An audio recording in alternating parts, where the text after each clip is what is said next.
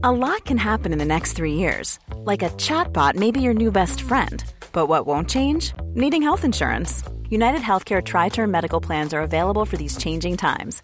Underwritten by Golden Rule Insurance Company, they offer budget friendly, flexible coverage for people who are in between jobs or missed open enrollment. The plans last nearly three years in some states, with access to a nationwide network of doctors and hospitals. So, for whatever tomorrow brings, United Healthcare Tri Term Medical Plans may be for you. Learn more at uh1.com.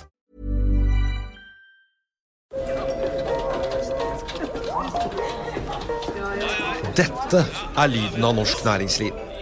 Akkurat nå tas det små og store valg som kan bli avgjørende for fremtiden. Med økonomisystemet X-Leger tas disse beslutningene basert på informasjon i sanntid, slik at drømmer og ambisjoner kan bli virkelighet. Få kontroll og oversikt, gå inn på xledger.no. Denne sendingen er sponset av Xleger. Laksesjokk og amerikanske bekymringer preger fredagen før langhelg. Det er 26. mai og børsmålen.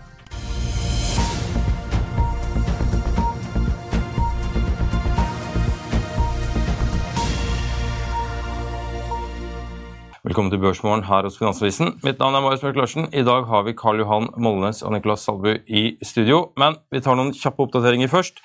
Torsdag var det blandet stemning på Wall Street, hvor Nasdaq steg 1,7% mens SNP og Dow Jones endte ned henholdsvis 0,9 og 0,1% mens Nvidia steg voldsomme 24 og dominerte børspraten i USA i går. En annen ting som også ble snakket mye om, er at demokratene og republikanerne hevdes å nærme seg en avtale med å heve gjeldstaket for en periode på to, to år, men mer om det om litt.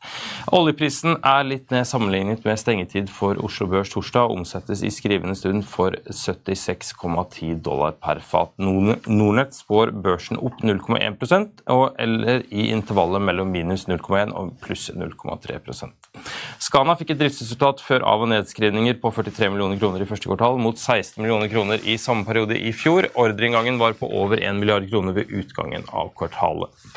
Finansdirektør Elaine Ung går av som finansdirektør i BV LPG med umiddelbar virkning. Investorkontakt Ivar Båtvik vil være midlertidig finansdirektør i selskapet. DNB Markets gjør en rekke endringer som følge av enigheten rundt lakseskatten. Kursmålet i Movi oppjusteres fra 220 til 245 kroner, og kjøpsanbefalingen gjentas. Lerøy Seafood jekker, jekkes opp fra 61 til 68 kroner, mens kursmålet på Grieg Seafood økes fra 84 til 94 kroner. Kursmålet på Måsøyhval oppjusteres fra 40 til 50 kroner. SalMar nedgraderer midlertidig fra kjøp til hold, men kursmålet økes fra 500 til 565 kroner. Laksjeaksjene steg i går med rundt 10% i snitt, og verdiene på børs økte med 19 milliarder kroner. City gjenopptar dekning av Telenor med en holdanbefaling og kursmål på 121 kroner. Aksjen stengte i 115,75 kroner torsdag. Og Pareto Securities kutter kursmålet på KID fra 185 kroner og går fra kjøp til hold. Den aksjen stengte i 84 kroner torsdag. God morgen, Karl Johan. God morgen. I går så var det jo du ganske eh, imponert og, eh, over Nvidia, som hadde gjort det ganske, eller leverte sterke tall. og det Var børsen enig med det? Ja, så det, Den endte jo opp med eh, nesten 200 milliarder dollar i verdiskapning. og Det er jo like mye som Cisco har vært, hele Cisco. Og det er like mye som uh, hele selskapets samlede inntekter i Nvidia omtrent siden oppstarten. Så det er en veldig sterk bevegelse. Og markedet er jo aldri rasjonelt. Dette her er spissen på denne her bobla, som er en repeat på TMT-bobla fra eh, rundt år 2000-skiftet, liksom. Eh, og, og Eh, så dette her er over den dagen du får en sterk negativ nyhet eh, på Nvidia. Og det, det kan komme, og sjefen Jensen Wang er jo ute sjøl og sier at det vil være helt katastrofalt om det vi mister Kina som marked. Og, og hvis de nå, hvis Nvidia skal satse alle ressursene sine på eh, de mest avanserte chipene, som Kina ikke får lov å kjøpe, så mister jo de Kina som marked. Så, og dette er en oppgraderingssyklus av datasenter. Det er noen i USA som har bestemt seg for at dette skal vi nå bruke ressurser på.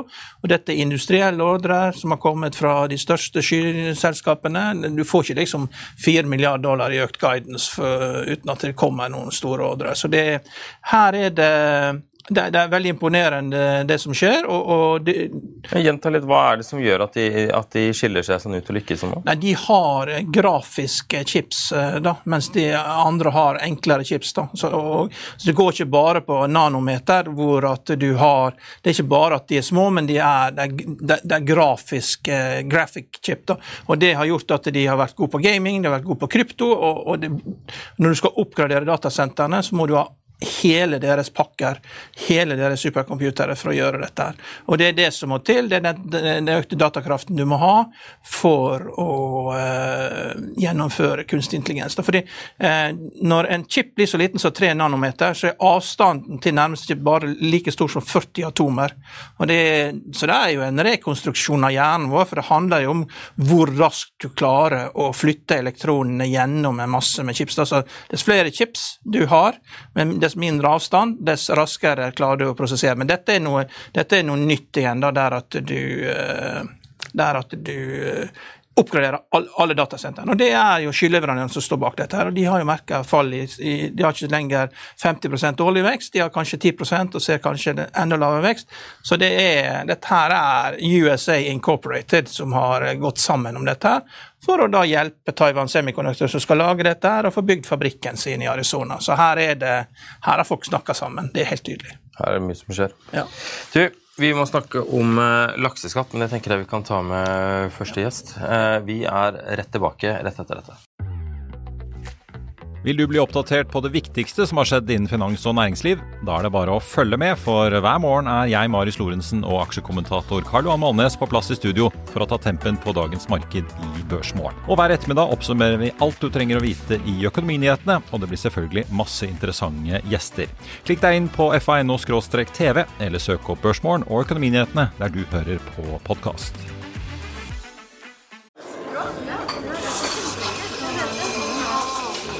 Dette er lyden av norsk næringsliv. Akkurat nå tas det små og store valg som kan bli avgjørende for fremtiden. Med økonomisystemet X-Leger tas disse beslutningene basert på informasjon i samtid, slik at drømmer og ambisjoner kan bli virkelighet.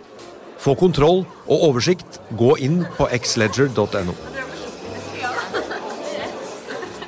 Denne episoden er sponset av van Brun, en fremtredende smykkeforhandler kjent for sitt brede utvalg av forlovelsesringer, gifteringer og diamantsmykker som bæres og elskes i generasjoner. Et frieri er en av de største øyeblikkene i livet, hvor forlovelsesringen er et tidløst symbol på kjærligheten. Valg av ring krever omtanke for både hvilket metall og diamant, med et bredt spekter av både naturlige og labdyrkede diamanter, og metaller som platina, gult gull, hvitt gull og roségull, hjelper de deg med å sette et personlig preg på din kjærlighetshistorie. Van Brun vil gjerne invitere deg til å prøve på tre av dine favorittringer fra nettsiden helt kostnadsfritt. Du kan også låne et bredt spekter av frieriringer, slik at du og din forlovede kan velge en ring sammen etter det store ja. Van Brun tilbyr 90 dagers åpent kjøp og 90 dagers gratis størrelsesjustering. Utforsk deres eksklusive sortiment i luksuriøse omgivelser. Bok en konsultasjon sammen med en diamantekspert i deres showroom i Oslo. Eller online på vanbrun.com. V-a-n-b-r-u-u-n.com.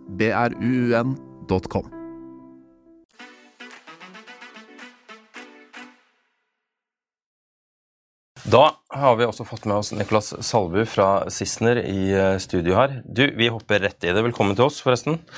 Takk for, for, takk for invitasjonen. vi, eh, lakseskatten den kom jo, eh, kom jo eh, brått i går. Mm. Eh, har du rukket å ta noe inn over deg? Hva, hva, som, eh, hva, tenker du om den løsningen det ble nå? Nå ble det 25% etter at det var 40, 35, 30, 35. Man gikk ut av diskusjoner, og plutselig 25% Ja. Nei, altså eh, Overraskende eh, endring, kan du si. Vi var vel av forståelsen av at etter forhandlingsbruddet med, med høyresiden at, at det ville bli noe rundt 35 Eh, eh, Du kan jo si at vi er jo ikke noe tilhengere av, av eh, høy beskatning, så en lavere, lavere skattesats er vi jo absolutt for. Det var vel kanskje litt vi har vært kritisk til prosess eh, fra, fra, dag én. Eh, og gårsdagen hjalp jo ikke Nors Norges renommé som, eh, som, et sted å, å, investere penger. Eh, jeg vet at det blir, har blitt diskutert både i Finansavisen i dag og, og i andre medier, men det er, det er, litt dette her med hvordan informasjon kommer til markedet, eh, som, som, jeg tror også Jan Petter var, var litt ute i media i går og, og kommenterte. Uh, men uh, nei, nå er katta ut av sekken. Nå får vi på mange måter gå tilbake til business as usual i forhold til oppdrettssektoren.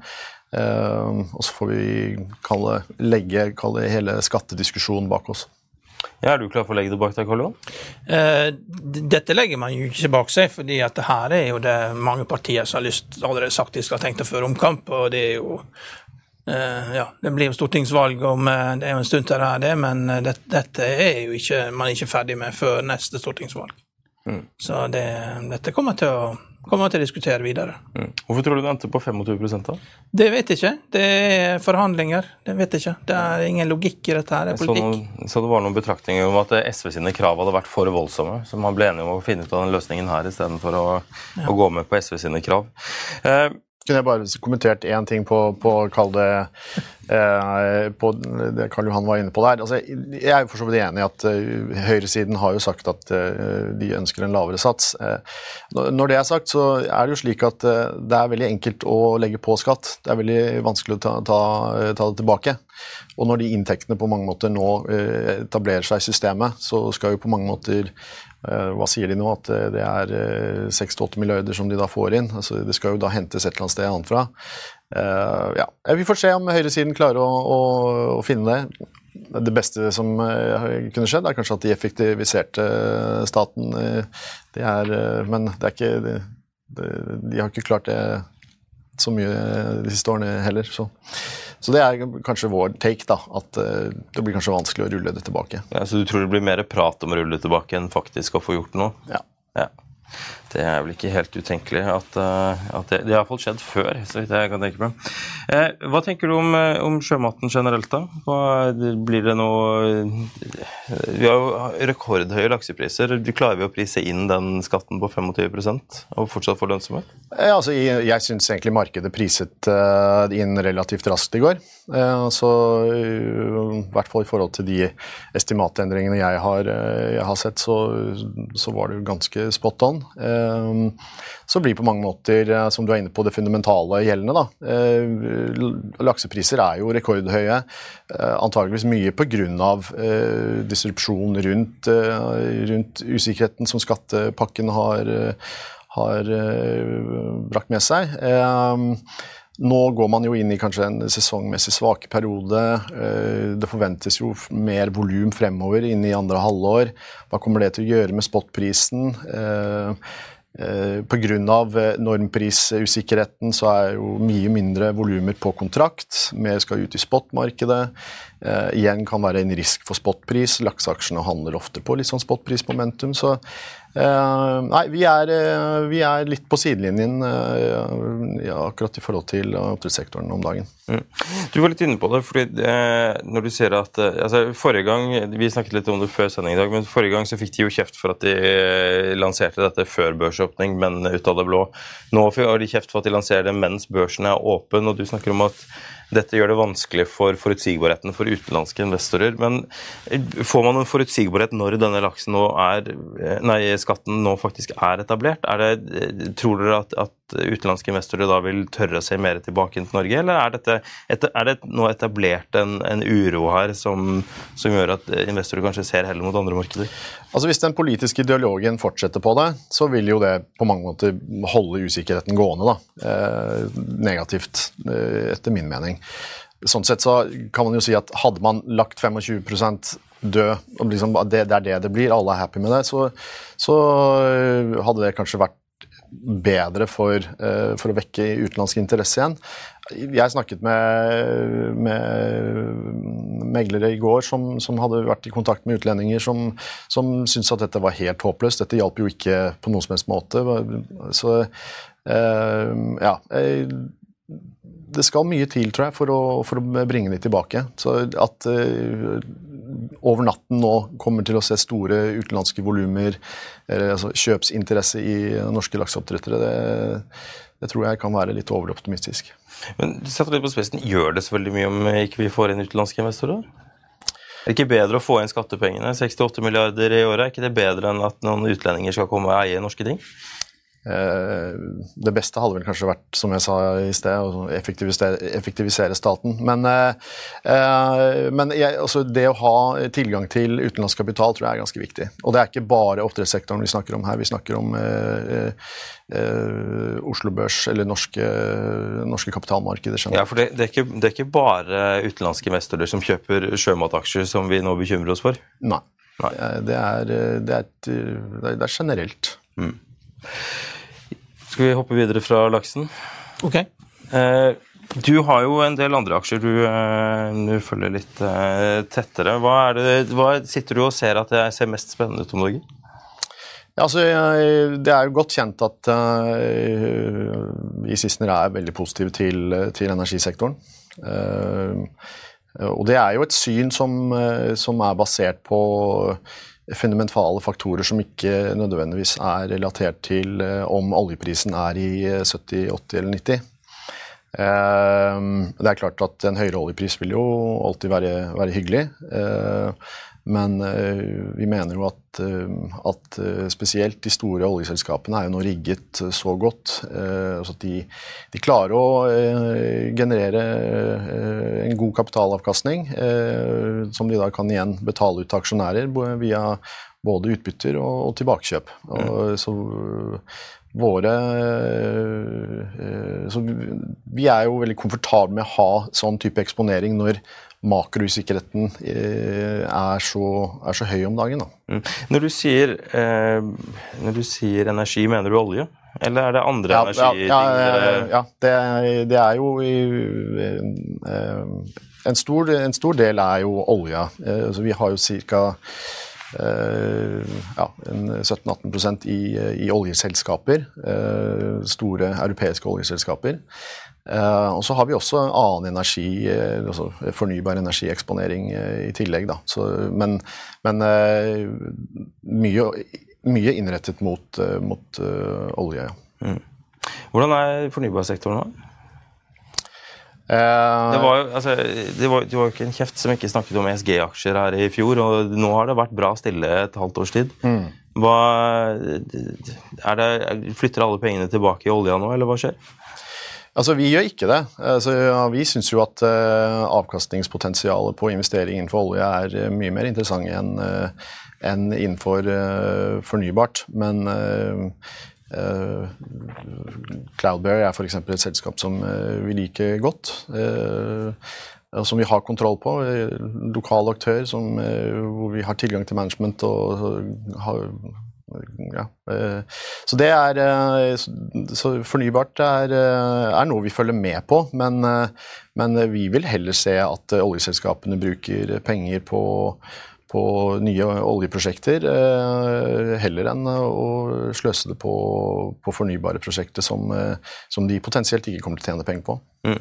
Dere har jo også tidligere hatt et lite lodd innen havvind med Avilko og Lars Henrik Røens IWS. Er dere fortsatt i den? Den har vi eh, fortsatt, ja. ja. Det er jo et selskap hvor det ikke egentlig skjer spesielt mye i, fra dag til dag. De bygger jo nye båter og skal Eh, få en kontrakt på de, men eh, det er klart at eh, det markedet ser jo bra ut og, stramt ut, så at de skal kunne inngå solide kontrakter og ha en, ha en god kapitalavkastning på, på investeringen, det, det, har vi veldig tro på. Litt, eh, du sier at du helst vil at de skal gjøre olje og ikke havvind. Det betyr at dere ikke er sånn veldig fan av denne havvindsatsingen kanskje ute i Nordsjøen, da, med andre ord? Uh, ja, nå uh, har vi jo ikke uh, noe direkte eksponering mot, mot, det. Altså, vi har jo Men det er klart at altså Avkastningen som man forventet på en del av disse havvindprosjektene, var jo ekstremt lav. Men det, det fungerte jo i et, uh, i et, rentemiljø hvor man hadde så å si gratis penger. da. Mm. Og så hadde man jo også da uh, var man jo i, i, den situasjonen hvor man kunne hente penger ekstremt billig fordi at det var ESG-relatert. Mm. Uh, nå har jo rentenivået endret seg, og jeg tror at ESG-kapital har blitt mer kritisk mm. til til eh, potensialet i investeringen. Så, så, de to faktorene gjør jo at du må jo dra opp eh, eh, eh, avkastningskravet, og det tror jeg er tøft. Mm. Er ikke det positivt, egentlig? Altså, det høres jo mest ut som vi får en opprydning i, etter en periode med ganske mye varierte prosjekter. Positivt på sikt. Ja. Men det, alltid, det, blir jo en, en tøff overgang, da. Ja, det er vel lettere enn eh, som du er inne på, å hente penger til oljen til, eh, til vindmøller i det markedet vi er i nå, både med rente- og kapitaltilgang. Ja, det, nei, jeg, det, er, det, er, jeg ikke så sikker på. Det er ikke, helt, det er ikke, lett å hente penger til noen ting om dagen, for å være helt ærlig. Nei, nettopp. Eh, ja, det, jeg syns ofte at dere har en veldig balansert portefølje. Det er, det er ikke noe aggressivt fond. Dere har ofte mye forsikringsaksjer, altså mm. Prudential og Storebrand er alltid største holding. Du kommer jo utenfra familien. Er det lov å spørre liksom, hvorfor Storebrand alltid skal være den største aksjen i porteføljen? Er det noe tema, eller er det, er det bare sånn det skal være? Eh, nei, Det er noe som vi diskuterer eh, fortløpende, selvfølgelig. Eh, og eh, jeg vil ikke si at Storebrand alltid skal uh, være Det har jo gått veldig bra i det siste, så ja. det, har, det, har vært en fantastisk investering. Men alle aksjer har jo sine sesonger, og mm. når det har gått bra, da er jo det rom for å diskutere det, slik at man ikke blir med ned eventuelt. Ja. fordi det er jo asset management, og når børsen går ned, så mister jo de inntekter. Ja, absolutt. Eh, så, det, så det, det, må vi jo tilpasse fortløpende.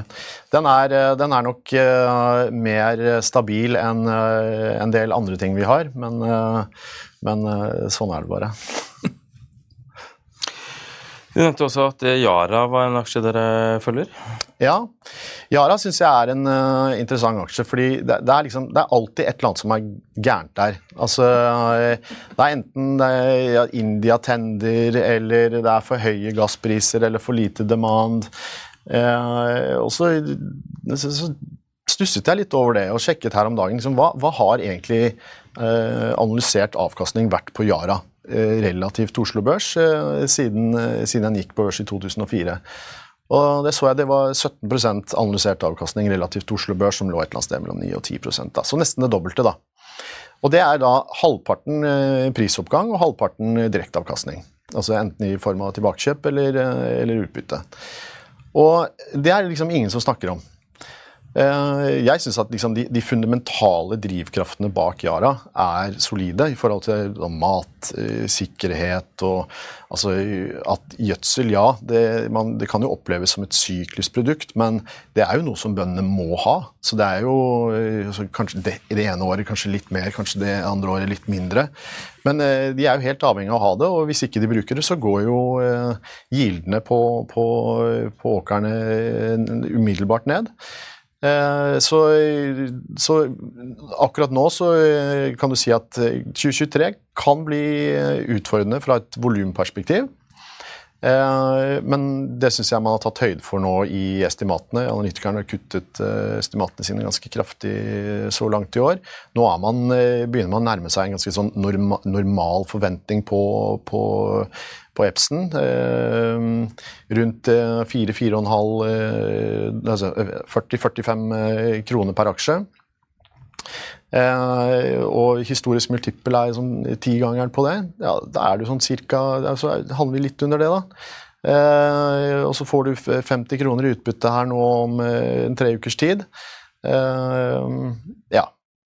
Kanskje det kommer noe mer uh, senere. Uh, og så er det jo da et, en annen ting som folk ikke snakker om. Altså, Yara har en veldig fin grafisk graf i, i kvartalsrapporten sin som går på liksom, hva slags kapasitet kommer fremover. Altså gjødselskapasitet. Hvis du ser på, Den grafen har alltid liksom vært litt problematisk. Det har alltid vært litt mer kapasitet enn det som man regner som er sånn eh, årlig eh, forbruksvekst. da. Eh, men akkurat nå så er man da i en situasjon hvor det er ganske langt under. I 24, 25, 26. Det eneste er, de eneste områdene hvor det kommer uh, av signifikans, er i Russland. Så antageligvis ikke aktuelt for, uh, for uh, vestlige markeder uansett. Og etter det så er det ikke sikkert at det kommer noe mer. Altså Det å bygge en gjødselsfabrikk er, det er kapitalintensivt. Eh, det tar tid, du skal få godkjenninger. Så, eh, så altså markedsbalansen fremover i tid også ser ekstremt eh, attraktivt ut. Så fornuftig prising, bra direkteavkastning og lett å liksom se for seg et strammere marked fremover. Det, det er sånne ting som jeg syns er interessant. Mm. Du nevnte også Essity. Ja. Den går litt igjen hos flere som kommer innom her, at de syns eh, svensk eh, papp og kartong i praksis er litt eh, Eller tørkepapir er, er spennende. Hvorfor det? Ja, og det var en viktig korreks der. Det er, ikke, det, er jo ikke, papp og kartong. Papp og kartong er vanskelig om dagen. Naturlig etter liksom en, en covid-boom. Men dette her er tørkepapir, det er wet wipes, det er bleier. Det er sånne ting som folk må ha. Eh, det er et selskap som i utgangspunktet hadde tøffe tider når det var gode tider. Fordi at eh, to av deres viktigste innsatsfaktorer, energi eh, og, og pulp, da, eller sånn masse sånn, hva, heter det Jeg husker ikke hva det heter på norsk, men sånn tre, trevirkemasse. Mm. de gikk jo rett i taket. Og da, det, det, preget jo marginen til Elecity kraftig. Eh, de klarer jo å heve prisene, og de får gjennomslag for de prishevingene, men det skjer med en eh, viss eh, tidsetterslep. Så i år så går man da inn i året med, med, med prisøkninger allerede på plass. og kostnadseffektene som nå slår inn i regnskapet. Det så man allerede nå i, i Q1. Jeg tror eh, Hvis man ser på hvor liksom, eh, naturgasspriser er i Europa om dagen, og, og pulppriser, så eh, skal de ha et, et godt år. Eh, og så tror jeg Veien videre derifra blir viktig for, for selskapet er å liksom vise at de klarer å levere mer stabile resultater. For å få, kall det, en, en høyere multiple nå prises de på et sted mellom 15-16 ganger eh, forward PE. Eh, mens en en relevant peer, Kimberley Clark, eh, handles til 20 pluss. da. Nå er jo Kimberley Clark i USA, og amerikanske aksjer priser som regel noe høyere, men det er i hvert fall eh, Altså en 20 ganger PE for en, en, en stabil voksende selskap, det, det skal være spiselig. Jeg så litt på EPS-estimatene, og de har jo gått veldig sterkt opp for selskapet. Ja. Og det er jo en periode hvor eh, du har eh, økt bruk av private label. Så mm. Eh, jeg vil jo ikke tro at de klarer å tjene mer på private label enn på sine egne merkevarer. For de har jo en god Er det dollaren som gjør at de, den sterke dollaren, og at de selger mye i dollar og konkurrerer med selskaper i dollar, som gjør at de har klart å øke prisene i denne, denne fasen? her, For det er en veldig sterk økning i EPS-estimatene. Mm. Jeg tror EPS-estimatene eh, e i all hovedsak har kommet opp eh, altså delvis pga. det, men, også, men det, er, i all hovedsak prisøkninger på, på produkt. og at uh, altså, Man ser jo folk aksepterer prisøkningene. De, de tar det imot. Fordi det er, alternativet er å hente det fra USA, ja. og da er dollaren så høy. Mm. Ja. ja. Så øh, øh, Ja, nei, så Estimatene er nok, er nok fair, dag, slik situasjonen er i dag. Eh, så kanskje ikke så mye mer å gå på der. Nå er det opp til selskapet å levere. Men hvor, hvor mye marginfall har de da fra switch til private label? Spiller det ingen rolle, liksom? Er det, det er valuta som styrer dette her, egentlig? Eh, litt usikker på, på det. Eh, men de, de, sier at eh, enn så lenge så ser de ikke så mye downtrading, downtrading eh, på volumene sine. Noe, men ikke mye. Du, Apropos USA, vi må ta det litt på slutten, for nå begynner vi å, å nærme oss veis ende her. Men gjeldstaket, Ja, det er litt merkelig eh, at man tilsynelatende medier rapporterer at man skal begynne å bli enige. og det, Vi så jo Kevin McCarthy, han brukte jo 13 avstemninger i Kongressen for å bli godkjent som speaker, og han er jo leder for Eh, for eh, republikanske partiet, som har et flertall på fem i huset. Og John Boehner, han som var speaker, hadde flertall på 49 når han slet, men da var det Tea Party han måtte slåss med, og han visste hva han hadde med å gjøre. Og her, vi, vi kan ikke ha en situasjon der du må stemme gjennom 13 forskjellige forslag før dette går gjennom. da, og Kevin McCartney virker ikke som Han er, ikke noen, han er sånn som virker å være enig med siste taler. og ja, dere legger fram dette her til meg, Ja, får gå og høre hva folk har å si, da. Og så, så blir det nedstemt. Det har ikke vi råd til. Kan ikke holde på sånn. Nei, altså Boehner var jo Da han var speaker, så var han jo en litt kontroversiell republikaner og veldig utskjelt. Og nå fremstår han jo som en erkekonservativ republikaner av den gamle gamle typen ja, i forhold han, til McCarthy. Han kom i, altså, problemet til McCarthy er jo at han vil jo aldri klare å finne ut hva folk vil stemme for. Og Nå er jo det Memorial Day Weekend. Det, det er litt sånn som 17. mai i Norge, at alle drar jo hjem igjen til sitt valgdistrikt. Det skal uh, holdes taler for de falne, og det, det er tredagers weekend, og det er ingen i Washington. Så det betyr jo også det at det, det kommer ikke til å skje så mye denne weekenden. Det er greit at folk snakker litt sammen, men der har du liksom Du har 438 ville kongressmedlemmer, der du skal ha flertall blant disse her, og alle har sin egen oppfatning, og så har de et flertall på fem.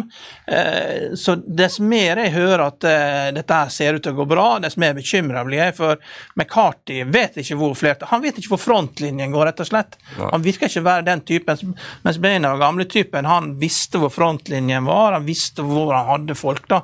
Men når du må ha 13 avstemninger for å bli bekreftet som speaker, og du må dele ut favors til alle sammen, så er det ikke liksom sånn som i Norge at du bare har ett pasientfokusselskap, men du har 200 av de, som alle skal ha sine fordeler før alt går på plass. Ja, Hva med dere? Er dere bekymret for gjeldstaket? I utgangspunktet ikke. Her, her, føler vi at eh, det er mye politikk på gang. Eh, men etter the end of the day så, så blir de nok enige. Ja, jeg var, jeg var heltemot at dette er en sånn klassisk som dette skjer i siste øyeblikk. Men jeg blir bekymret når de snakker om nå hva er det fristen er på torsdag om en uke, seks dager før fristen går ut, så skal de ha blitt enige. Mens de har en republikansk leder, Donald Trump, som sier at de skal bare kjøre alt i grøfta og ikke godta noen ting hvis ikke de får alt de ber om. Jeg tror ikke dette er avgjort helt ennå. Det, det lukter iallfall ikke sånn. Apropos pasientfokus, forresten. Det er vel ikke noe tvil om at nå blir det både sykehjem og Førhjem og ja. Og ikke noe laks i Alta. Så. Kanskje de får noe med laks også? Det er jo lakseelv der oppe, så det, kanskje det er noe der også. Laksemuseum. Du, helt på slutten her så skal jeg bare ta med at eh, Skana stiger på, veldig, på gode tall. De er opp 8 eh, fra morgenen i dag. Lakseaksjene de eh, vaker rett rundt null. Movi har ikke beveget særlig på seg, det har heller ikke Lerøy, mens SalMar er ned 1% og Grieg er ned 0,89 uh, mens eh, Norwegian har nå eh, tappet gjennom dette taket, eller kursmålet til eh, Hans Erik Jacobsen, og har nå nådd 13 kroner to uker etter at han hadde kunngjort at det var kursmålet hans. Så det er jo litt spennende. Vi er tilbake med Økonominyhetene klokken 13.30 i dag. Da blir det litt forskjellig innhold, men annet kommer det også to masterstudenter som har regnet litt på hva det koster at Norges rikeste velger Sveits fremfor Norge, så tune inn på det klokken 13.30. Denne sendingen kan du se når du vil på fa.no. slash tv, eller du kan høre den der du hører podkast. Bare søk over Økonominyhetene eller podkast. Og så ønsker jeg dere en god pinsehelg når den tid kommer.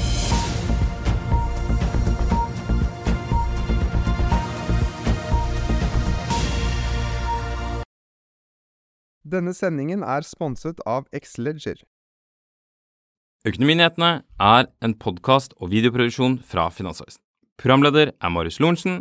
Aksjekommentator er Karl Johan Molnes. Produsent er Bashar Johar. Podkast- og videoansvarlig er Marius Mørk Larsen. Og ansvarlig redaktør er Trygve Hegnar.